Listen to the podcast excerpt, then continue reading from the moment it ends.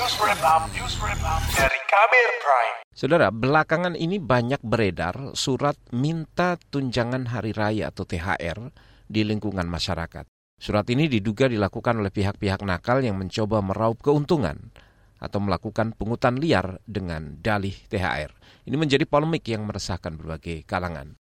Bagaimana solusinya? Berikut laporan khas KBR disusun Safira Aurelia. Menjelang lebaran tiba, banyak bermunculan fenomena surat edaran meminta tunjangan hari raya atau THR. Surat minta THR ini bisa datang dari ketua RT hingga ormas. Di Tasikmalaya, Jawa Barat bahkan ada surat minta THR yang dikeluarkan Badan Narkotika Nasional atau BNN, lembaga resmi yang ditujukan ke pengusaha. Surat BNN ini kini berbuntut panjang. Surat-surat permintaan dana itu kerap beralasan THR akan diberikan kepada mereka yang membutuhkan sebagai bentuk bonus lebaran, baik bantuan uang tunai maupun sembako. Beberapa surat bahkan memasang tarif pungutan THR berbeda-beda. Misalnya, industri rumahan dikenai tarif THR 300 ribu, warung kelontong 150 ribu, rumah kontrakan 200 ribu, dan rumah tinggal sebesar 60 ribu rupiah. Salah satu warga Kelurahan Kapuk, Kecamatan Cengkareng, Jakarta Barat, Tasmo resah karena menjadi korban pungli dengan modus THR. Dia menyebut pungli itu berpengaruh kepada omset usahanya. Ditarikin 150 THR ya dari RT 9, RT 16 ini. Ya itu nggak tahu tuh peraturannya gimana aku nggak tahu. Yang penting aku bayar aja.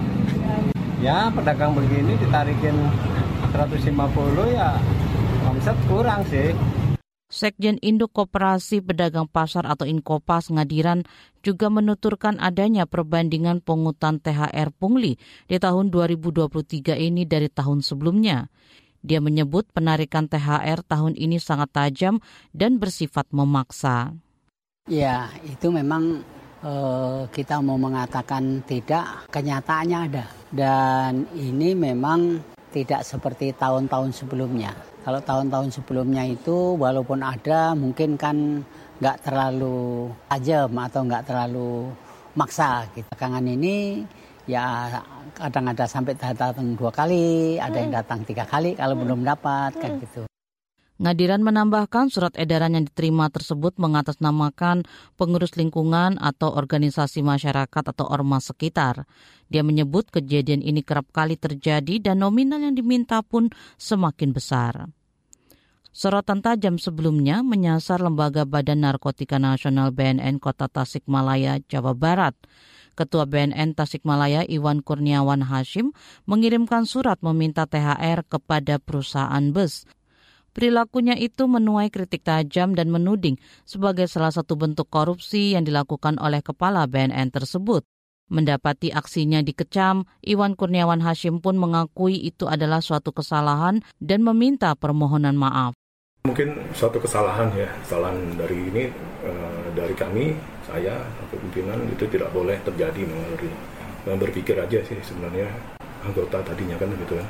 Tapi itu udah saya tarik gitu, tidak jadi uh, dicabut. Tujuannya kan sebenarnya untuk memberikan tambahan aja untuk hmm. THR-nya Itu udah bentuk barang, begini bukan ini hmm. sembako atau apa dan gitu.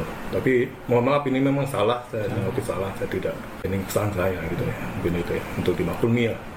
Anggota Ombudsman RI Robert Naendi Jaweng meminta agar Inspektorat Kantor Pusat melakukan investigasi secara mendalam dia khawatir jika aksi pungli tidak ditindak tegas, maka masyarakat akan terus menjadi korban.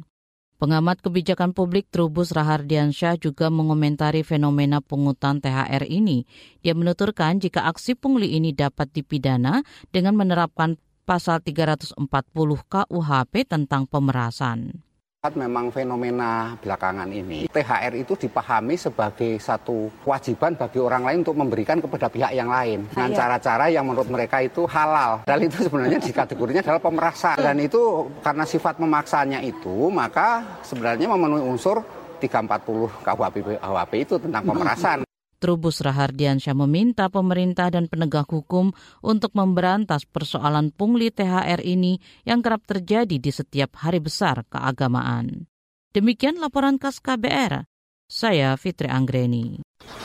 Kamu baru saja mendengarkan news wrap up dari Kabel Prime.